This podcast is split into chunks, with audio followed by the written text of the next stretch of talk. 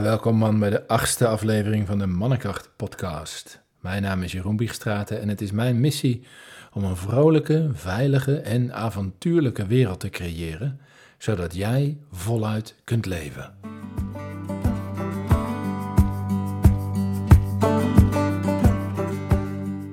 Nou, tot nu toe hebben we ons bezig gehouden met de behoorlijke klassieke masculine energieën.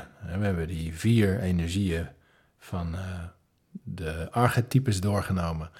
We hebben de wilde man doorgenomen en ik heb er iets over de kracht van de community doorheen gefietst. Eigenlijk is dat de basis of de bodem die wat mij betreft elke man een keer in zijn leven moet hebben aangeraakt. Om te weten hoe dat zit en dat die energieën in je leven, dat je als het ware ook niet maar één man bent, uh, die ene man, maar dat er allerlei verschillende energieën in je op kunnen staan. En misschien heb je in het luisteren van die energieën wel je voorkeur gevoeld. Ah, die koning, dat voel ik wel. Of die krijger, ja, dat doet het wel. Uh, of die minnaar, of die magier.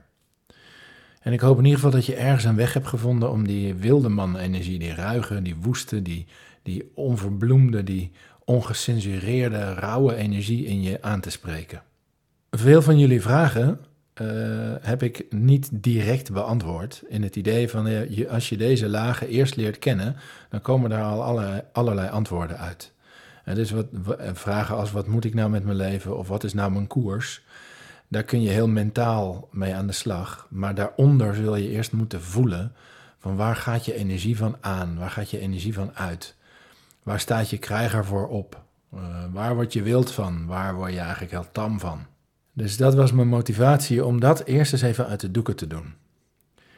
Nou is dat niet alles wat er te zeggen valt over mannenwerk of wie je als man bent. Dat is helemaal niet alleen maar te vatten in dat soort archetypes en zo werken wij met mannenkracht ook helemaal niet.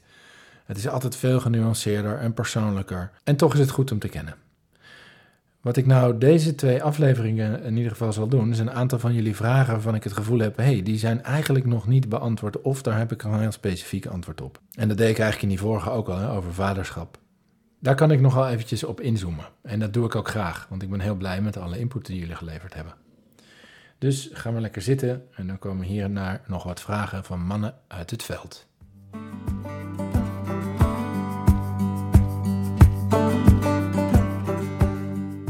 Ik heb hier een vraag voor me van een man en ik denk dat veel mannen deze vraag gaan herkennen. Um, ik heb er ook zo mijn eigen onderzoek mee gedaan en ik ben heel blij dat iemand hem heeft durven stellen, namelijk hoe moet ik nou omgaan met mijn verlangen naar andere vrouwen, terwijl ik wel gewoon met mijn vriendin wil zijn? En dat vind ik echt een schitterende vraag. Nou, ten eerste, uh, dapper dat je hem stelt. Um, ten tweede, heel goed om je te realiseren dat als je dominante masculine energie hebt, en dat hebben de meeste mannen, uh, aangeboren van nature, zitten veel mannen zo in elkaar. Het is niet de enige mogelijkheid, maar het is wel belangrijk om te zien van hé, hey, ik heb dominante masculine energie en daar is niks mis mee. Dan vanuit de wet van de polariteit trekt de feminine energie je aan. Het is ook zo simpel als dat dus dat is niet een soort uh, persoonlijke psychologische keuze dat je graag naar mooie vrouwenbillen kijkt. Er zit dieper iets in je wat zich aangetrokken voelt tot het feminine. Andersom ook, want het feminine voelt zich ook aangetrokken tot het masculine, maar dat werkt net een beetje anders. Uh, dus als mijn podcast voor vrouwen zou zijn, dan zou ik iets anders inspreken dan nu. Want deze podcast is voor jou als man. Maar misschien is het al een hele geruststelling dat jij niet iets verkeerd doet of dat er niet met jou iets mis is, maar dat er iets volkomen natuurlijks gaande is, namelijk het feit dat jij als man aangetrokken wordt door feminine energie. Nou, dan hebben wij als mensen ook nog de mogelijkheid gecreëerd um, om één iemand trouw te zijn. In de biologie gebeurt dat ook wel, al lijkt het er toch ook steeds meer op dat het wat minder is dan we denken. Zo hadden we altijd het idee dat zwanen voor het leven bij elkaar zijn, maar dat is toch vooral een romantisch idee. Nou, verder ben ik geen bioloog, maar af en toe lees ik, zo, ik er zo is het over en het komt wel voor. Maar het komt nog veel meer voor dat dieren niet monogaam zijn. Dus dat is een keuze. Nou, ik vind het een hele verdiepende, verrijkende keuze, waar je offers voor pleegt. Dus het aangaan met één iemand geeft je de mogelijkheid om heel veel van jouw persoonlijke illusies, zou ik zeggen, over het leven en over jezelf en over anderen aan te kijken. Je komt er in een intieme relatie met één iemand steeds meer achter dat jij allerlei blinde vlekken hebt. Dat jij je helemaal schuf, uh, suf projecteert. En dat je zo perfect niet bent als je altijd zelf maar denkt. En daar kun je allemaal onder uitkomen door je niet echt te verbinden met iemand. Door niet echt met één iemand te zijn die dat allemaal van jou gaat zien. Die gewoon door heeft na een tijdje van: hé hey, vriend, je kletst hier uit je nek. Of hé hey, maat, je probeert me hier maar gewoon een beetje onder controle te houden.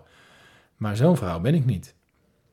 Of hé, hey, uh, je denkt maar gewoon dat je het hier voor het zeggen hebt. Of dat, het hier, dat jij het allemaal zo fantastisch doet. Maar hou maar eens op en ga maar eens in de spiegel kijken. Dat voorkom je allemaal door niet in een intieme relatie te stappen.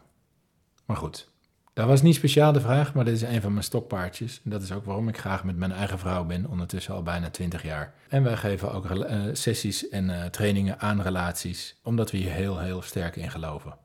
Moet je wel liefde hebben voor elkaar. Dus dit is geen pleidooi dat iedereen altijd bij elkaar moet blijven. Er zijn ook zeker redenen om uit elkaar te gaan. En als je dat in liefde kunt, dan doe je iets heel goeds. Maar hoe moet je nou omgaan met dat verlangen? Nou, het belangrijkste is dat veel van de, van de masculine uh, energie in een mannenhoofd, gewoon ook wat jij ook beschrijft, van hoe wordt het nou niet een afleiding waar mijn hoofd maar de hele tijd naar blijft neigen. Daar zitten eigenlijk de twee elementen in waarmee je iets kunt. Het gaat in je hoofd stijgen en het gaat in je fantasiewereld een rol spelen. Nou is je fantasiewereld in seksualiteit een hele belangrijke en leuke wereld. En het is goed om te zien dat het je fantasiewereld is. Dus hoe we daar van vanuit Tantra naar kijken, is dat je je energie die je daar gaat voelen, dat dat jouw energie is. En dat het als het ware uh, de kunst is om dat in jouw lichaam te voelen. En dat je dat kunt doen bijvoorbeeld door goed, adem, eh, goed te ademen. Door lekker diep in je buik te ademen, door goed te bewegen. Dus goed te dansen of te gaan sporten. En als het heel veel energie is, dan zou ik zeker wel even de krijger in je opzoeken en een, eh, een, een boxles doen. Of een goede, goede bootcamp of een goede crossfit. Want het is jouw energie. En als je die niet naar je hoofd laat opstijgen, maar gewoon in je lichaam voelt, dan gebeurt er al iets heel anders. En het tweede wat erin zit, is dat je zo de neiging krijgt om er iets mee te doen. Ja, en dat is een hele diepe beweging in ons. Dat we de neiging hebben om alles wat we interessant vinden te willen hebben. Dat doen we al vanaf heel jongs af aan en daar moeten we in opgroeien. Als we heel jong zijn, dan willen we een ijsje. En uh, als we dat niet krijgen, dan is dat best wel een ding. Dan, dan gaan we onze ouders toch wel echt heel duidelijk maken dat het ijsje belangrijk is. Of cadeautjes, of uh, ergens wel heen of ergens niet heen. Dus iets wat je als kind heel graag wil, daar ben je eigenlijk heel duidelijk in. Daar gaan ouders op allerlei manieren mee om, dat even daar gelaten. Maar uh, je initiële beweging is om daar heel helder over te zijn. Ik wil dat hebben. En als je dan opgroeit, dan ga je iets zien van, oh ja, maar dat kan ook niet altijd. Dan ga je meer de consequenties ervan zien, die je ouders, als het goed is, godzijdank in de gaten hebben. Want als je gewoon elke dag drie ijsjes krijgt, dan word je gewoon een dik tonnetje. En dat is om allerlei andere redenen niet goed. En daar kan je als volwassene nog een diepere slag in slaan. En dan kom je meer in het spirituele. Nou, dat je doorhebt dat je niet al die dingen die maar in je opkomen kunt en wilt hebben. Want je hebt het ene nog niet, of je ziet alweer het andere. En dat, heb je dat zie ik bijvoorbeeld heel erg mooi met, die, met de iPhones of computers en ook met auto's. Veel technische dingen. De ene variant is nog niet uit en een paar maanden later is de volgende variant en dan liggen we weer met z'n allen voor de Mac Store. En dus er zit ook iets in ons mensen dat als we iets aantrekkelijk vinden, dat we het willen hebben. En daar is best wel, uh, ja, daar is best wel iets te counteren. En dat is ook goed om te erkennen, dat het nog zo makkelijk niet is om dan zo'n mooie, aantrekkelijke vrouw niet ook ergens te willen hebben. Een van de ingangen is dat je het durft te voelen en ook durft los te laten. Van oké, ik, ik zit er allemaal heerlijk uit, maar ik hoef het niet te hebben. En een van de interessante lessen die ik daar zelf in heb gehad, kwam uit een onverwachte hoek. Die kwam uit de uh, hoek van de Systema, een Russisch martial arts systeem. Uh, wat heel erg over ontspanning gaat, maar ook een mentale ontspanning. Dus we deden een oefening dat je naar elkaar toe moest lopen en moest proberen de ander naar de grond te krijgen.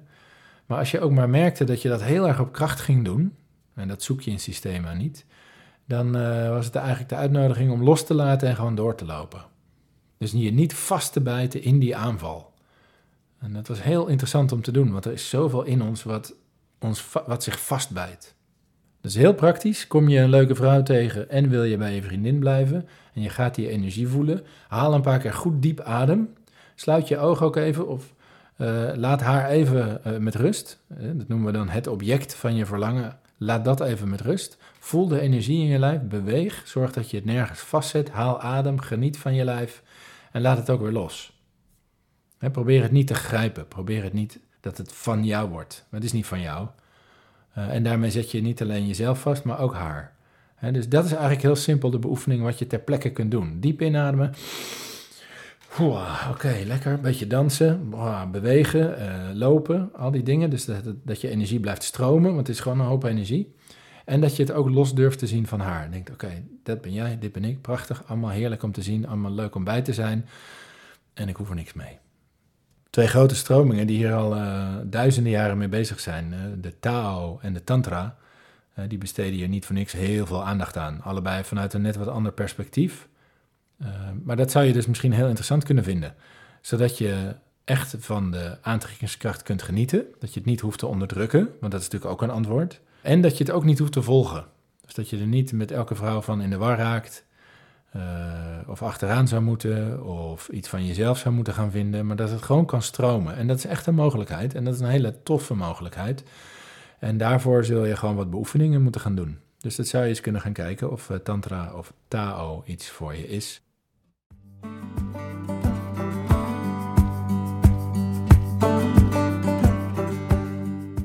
Het verlengde van deze vraag ligt er ook een vraag van een man die het volgende zegt.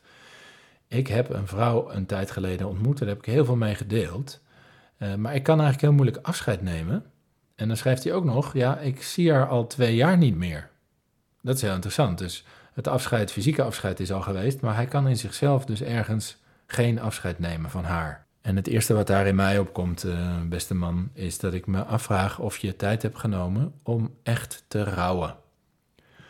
Dus, je schrijft er een paar dingen over. Zou het dit zijn? Zou het dat zijn? Zou het zus zijn? Zou het zo zijn? Dat, dat klinkt en voelt als mentale energie, mentale activiteit. Dus analytisch. Wat een sterke masculine kwaliteit is, overigens, waar we heel veel aan hebben. Daar is helemaal niks mis mee. Alleen dit is een nogal emotionele aangelegenheid. En zeker afscheid, dat zit vaak behoorlijk ingewikkeld in elkaar. En als ik jou ook zo hoor, van dat is een afscheid geweest wat heel gelaagd is geweest. Een afscheid van een vrouw waar je je verbonden mee hebt gevoeld en waar je toch afscheid van hebt genomen. Nou, dat is best complex. Daar ga je met je gedachten niet uitkomen. Echt niet. Dat is nooit sluitend. Waar je er wel uit gaat komen is in je emoties. En wat daar een fantastische ingang is, is ademwerk. Uh, ademwerk is een soort snelweg naar je emotionele eh, wereld. Uh, zeker voor mannen is dat heel erg fijn. Is dat een manier om zonder al die mentale activiteit op een manier daar onderdoor te glippen. En dan ineens blijkt je van alles te gaan voelen. En dat is een van de redenen dat wij daar heel graag gebruik van maken in onze, al onze retretes. Dat we altijd dat ademwerk erin brengen. Dus wat je zou kunnen doen, is een ademsessie met iemand boeken. Dat zou je bijvoorbeeld bij onze Koen kunnen doen. Uh, met dit thema van hé, hey, ik heb afscheid te nemen van iemand en ik, ik heb ook iets te doorvoelen, zoals we dat noemen. Dus daar is, een, daar is het een dan het doordenken, maar zeker met afscheid van een dierbaar iemand waar je echt iets mee eh, gevoeld hebt van connectie, diepgang, vriendschap, misschien wel liefde. Uh, dan is daar vooral heel veel te voelen. Het mooie daarvan is, is als het doorvoeld is, als je echt even hebt kunnen rouwen erom, en misschien ben je er super gefrustreerd over, ben je er boos op, uh, nou voor mijn part, de wereld, dat je zo'n keuze hebt moeten maken, op God, op je eigen vrouw, dat je denkt, verdomme, waarom hou ik nou en van jou en van die ander? Maar ook gewoon het verdrietige, het rouwen, het missen, dat te doorvoelen. Uh, dat raad ik je heel erg aan om dat te doen.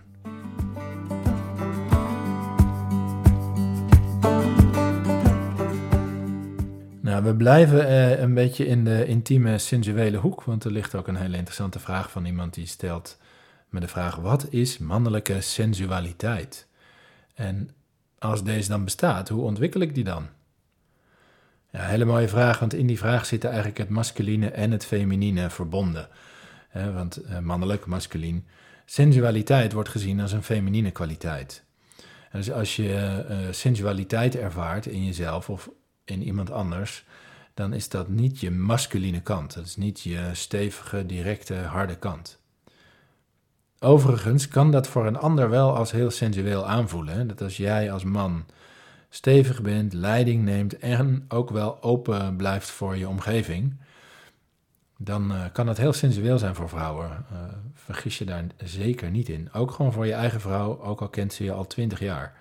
Als jij ineens doorpakt en haar beet pakt en zegt: Kom eens hier, schat, ik hou van je. Je omhelst en omhult haar helemaal. Zeker op momenten dat ze in jouw ogen een beetje moeilijk deed. Uh, dat is heel sensueel voor veel vrouwen. Dus mannelijke sensualiteit is in mijn ogen niks anders dan een man die zijn feminine kwaliteiten durft aan te spreken en sensueel durft te zijn. En dat kan best wel een uitdaging zijn. Hè? Dus dat, dat, daar waar een beetje stereotyp beeld is, wat ik net zelf ook schets, is als je je masculine kwaliteit heel erg aanzet. Hè, dat je dat inzet in seksualiteit, intimiteit. Maar dat je als man ook heel gevoelig kunt uh, dansen, bijvoorbeeld. En heel zacht en uh, sensueel kunt bewegen. Maar dat botst behoorlijk met het beeld wat we van onszelf hebben: dat we dat niet zouden mogen of niet zouden kunnen, of dat dat niet mannelijk zou zijn. Nou, die uitspraak klopt een beetje als je, uh, als je het ziet in termen van masculine energie en feminine energie. Maar dat is uiteindelijk allemaal bullshit, want als man heb je ook feminine energie tot je beschikking. En maak je jezelf echt een uh, heel allround mens als je die durft aan te spreken. in de uh, psychoanalytische hoek van Jung en Freud is daar het hele begrip van de animus in de vrouw en de anima in de man. Alle ongeleefde vrouwelijke kwaliteiten in de man en alle ongeleefde mannelijke kwaliteiten in de vrouw. daar worden hele mooie retretes voor aangeboden. Het is heel interessant werk. Uh, en dat zal dit ook wat meer bevrijden. Dus als de vraag is uh, of die bestaat, ja zeker om, uh, bestaat die, want het is niks anders dan een man die zijn sensualiteit durft te leven. En dus die gevoelig durft te zijn, die precies en mooi en zacht durft te bewegen, dan is dat al heel anders dan wanneer een vrouw dat doet. En ik richt me even op de fysieke uiterlijkheden. Het gaat bijvoorbeeld ook over het gebruik van je stem, je oogopslag, hoe je anderen aanraakt, sla je iemand eh, op zijn schouder van: hé hey maat, hoe is die vandaag? Of uh, neem je iemand in een hele zachte, omhullende omhelzing. Uh, dus de ontwikkeling zit ook daar. Dat je als man bewust kiest om die kant in je te ontwikkelen.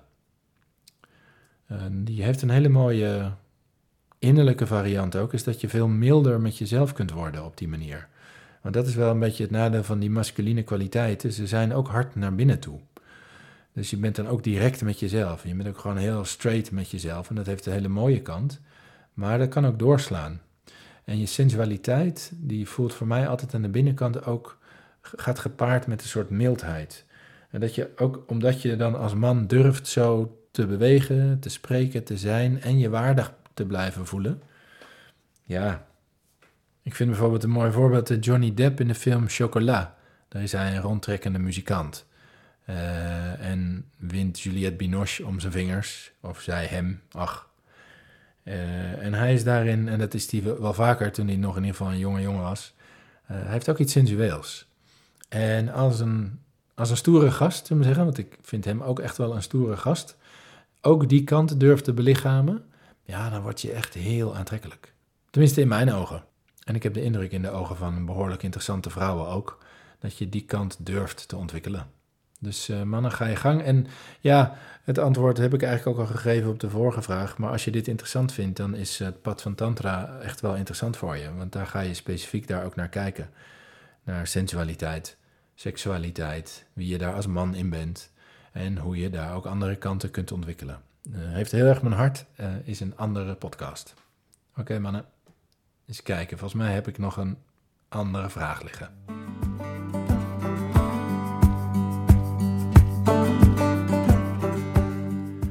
Dan nog twee vragen van iemand uh, uit één mail van dezelfde persoon.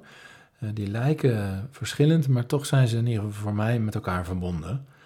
En de eerste vraag is: wanneer neem je afscheid van vrienden? En dat vind ik een mooie vraag.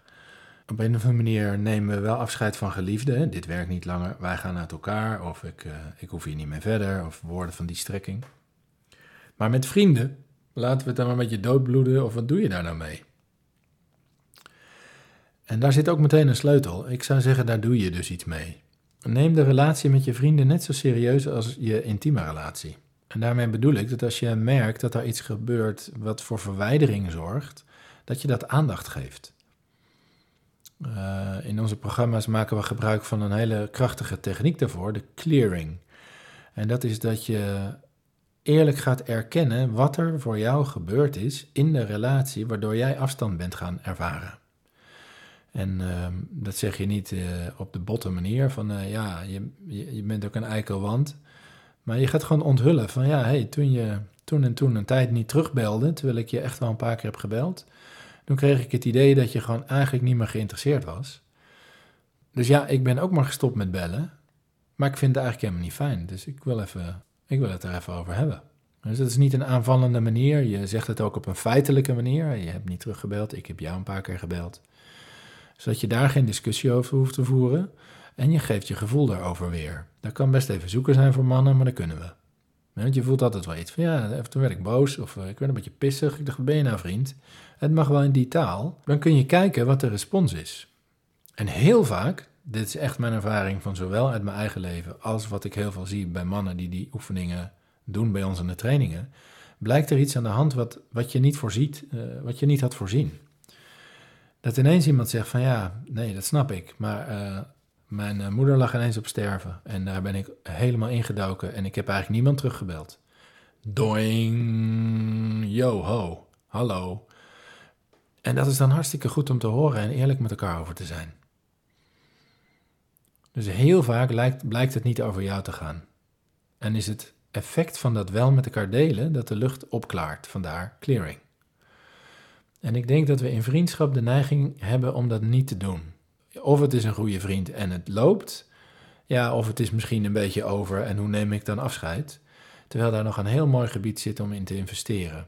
En zeker wij mannen, laten we elkaar beter houden. En er kan gewoon af en toe iets gebeuren. Het kan ook echt zijn dat iemand iets lulligs doet. En dan is het mooie van die, van die oefening ook dat je het gewoon kunt erkennen. Dus als iemand naar mij toe komt en zegt: Hé hey Jeroen, je hebt me gewoon een tijd niet teruggebeld. Uh, ik belde jou wel, waar was je nou, vriend? En ik kijk in mijn agenda en ik kijk in mijn telefoon. En ik moet gewoon erkennen: van ja, ik ben nalatig geweest. Dan kan ik dat ook gewoon zeggen. Ik kan zeggen: Ja, dat klopt. Jeetje, man, ik heb je gewoon niet teruggebeld. Ik snap helemaal dat je dat helemaal kut vindt. Ja, terecht. Ga ik goed maken met je. Weet je, dus zo kun je het ook ophelderen met elkaar. Dat is echt superkrachtig. Dus mijn eerste insteek is afscheid nemen van vrienden. Daar zit vaak nog een heel gebied voor wat je dan nog niet hebt onderzocht. Omdat we daar niet zoveel over leren ook. En dat kan wel. Nou, stel nou dat je die clearing gedaan hebt en dat jullie echt blijken op de een of andere manier elkaar gewoon niet meer goed te bereiken. Dat kan. Dan is eigenlijk zijn tweede vraag van deze man heel interessant. En hij zegt: Wat is nou dankbaarheid en hoe beleef je dat? En als je afscheid neemt, is een heel goed moment om dankbaarheid te beoefenen of om te voelen. Want ik uh, geloof er heel erg in dat we daar niet zo speciaal goed op getraind worden. Zeker als we jong zijn, dat kan ik me ook echt nog wel herinneren. Dan kreeg je een cadeautje van iemand en dan moest je dankbaar zijn. Je moest altijd maar als kind tegen iedereen overal dankjewel zeggen. Dankjewel voor het spelen, dankjewel voor het feestje, dankjewel voor het cadeautje, dankjewel... Pff, Terwijl dankbaarheid is eigenlijk een gevoel ergens een gloed in je borst of in je buik als iets heel goed voor je gewerkt heeft. Als iemand iets voor je gedaan heeft wat echt heel gaaf is, ja, dan ga je daar echt wel iets over voelen van wow. Uh, zeker als je dat een beetje durft op te zoeken in jezelf van hé, hey, dit is gewoon heel fijn. Uh, dus het is niet een heel groots en meeslepend uh, gevoel in de meeste gevallen. Het is meer zo van hé, hey, lekker. Fijn dat je dat voor me hebt gedaan. Uh, dus dat kan iets kleins zijn. Iemand heeft iets voor je opgelost, heeft, heeft iets voor je opgeruimd. Maar het kan ook zijn als iemand je gesteund heeft in echt iets moeilijks, bijvoorbeeld. Ja, dan gaat die dankbaarheid nog wel even wat dieper. En dan kan je hem ook wat dieper voelen. Dus als je echt afvraagt, wat is nou dankbaarheid? Dan zou ik zeggen, dat, dat gevoel wat er in je opstaat, als je echt durft te voelen dat iets goed voor je heeft gewerkt. En dat kan dus zijn in het contact met een ander maar het kan ook zijn naar jezelf. Ik weet nog goed dat ik ergens woonde en de etage boven mij kwam vrij. En die was echt uh, twee keer zo gaaf. Ik weet niet zo goed waarom ik dat ingewikkeld vond.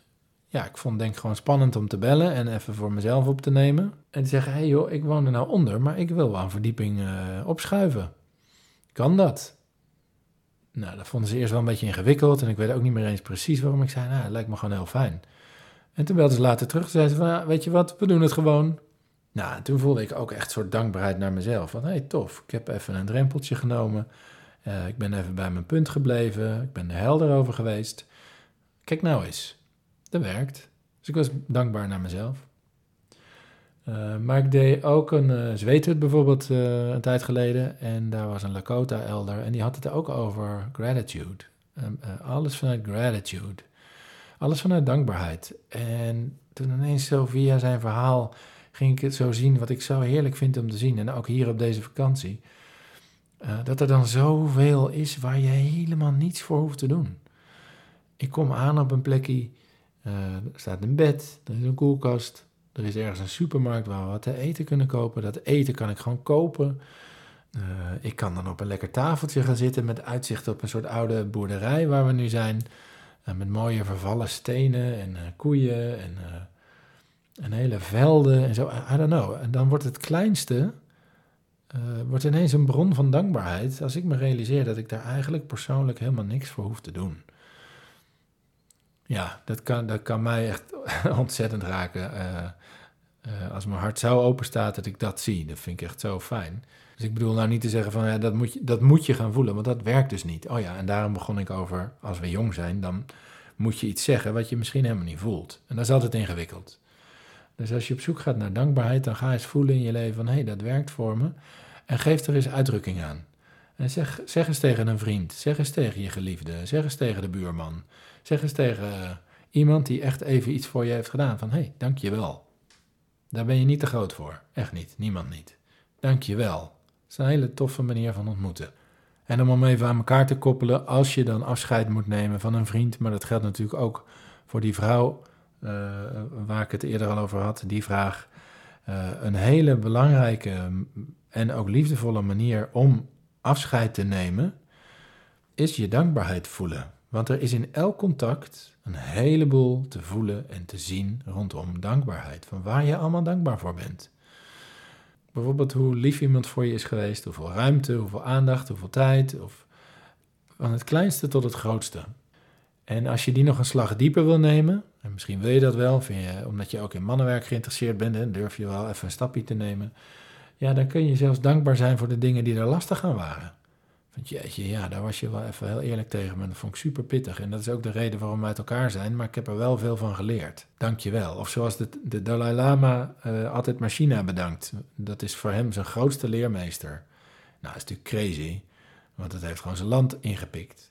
Maar hij kan daar dus dankbaarheid voor voelen, omdat er zoveel voor hem te leren valt daar. Nou, dat betekent voor mij niet dat je nou sadistisch de moeilijkste persoon uit je leven moet gaan bedanken. Het gaat er voor mij echt even om dat waar je het voelt, dat je daar aandacht aan besteedt. En als je op het punt staat om afscheid te nemen van iets of iemand, breng dan in ieder geval je aandacht ook bij de dankbaarheid, want dat maakt het makkelijker om los te laten.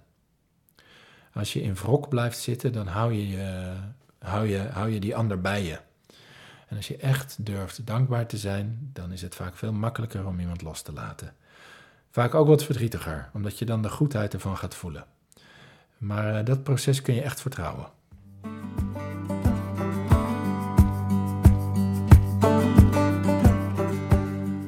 Oké, nou, dat waren een aantal hele precieze vragen van mannen die ik toch echt leuk vond om met jullie door te nemen. Uh, heel divers, echt heel tof. Uh, wij reizen nog even verder, want zijn hier in het land is in uh, rep en roer. Er gaat iets heel belangrijks gebeuren over een paar dagen. Uh, koning Charles gaat gekroond worden. En er is hier een heel gesprek gaande in de kranten tussen de mensen. Of dat nou echt nuttig is, want die man is al koning. Dus het maakt eigenlijk niet uit. Maar waarom dat nou toch belangrijk is. Nou, wij gaan eens even kijken of we ons daarmee gaan uh, verbinden. Ik denk het wel. Volgens mij is het een soort middeleeuws spektakel. En als dat nou in één land volgens mij mooi gevierd wordt, dan is het wel Engeland. Ja, dus waar krijgen we zo hier en daar wat dingen mee? Allerlei winkeltjes in allerlei plaatselijke dorpen staan vol met koning Charles servies. Uh, mensen maken zelfgemaakte collages met allemaal oude foto's. Daar hangen overal vlaggetjes. Dus het lijkt alsof iedereen het tof vindt. Maar ik zie eigenlijk heel weinig over dat mensen het niet leuk vinden. Dus dat is waar ik het ook uit afleid. Maar er zullen er ook wel een paar zijn die denken, moet dat nou allemaal? En dat lees ik wel in de krant, want er zijn een heleboel... Er gaat echt over heel, heel, heel veel geld. En terecht dat mensen zich daar iets over afvragen. Dus wij reizen verder in dit wonderlijke, mooie, schone land... waarin ik uh, ja, eigenlijk heel veel dankbaarheid voel voor mijn gezin... Voor al het gemak dat we hier maar gewoon rondrijden. Dankbaarheid naar mijn gezin, maar ook naar mezelf, naar dit land. Ja, wonderlijk. Door het erover te hebben ga ik het ook altijd meer voelen. Dus daar ga ik maar even lekker in uithangen. Oké, en voor jullie, dank voor het luisteren. Uh, volg ons op uh, social, Mannenkracht, of check even ons live aanbod op www.mannenkracht.nl. En tot de volgende. Aho.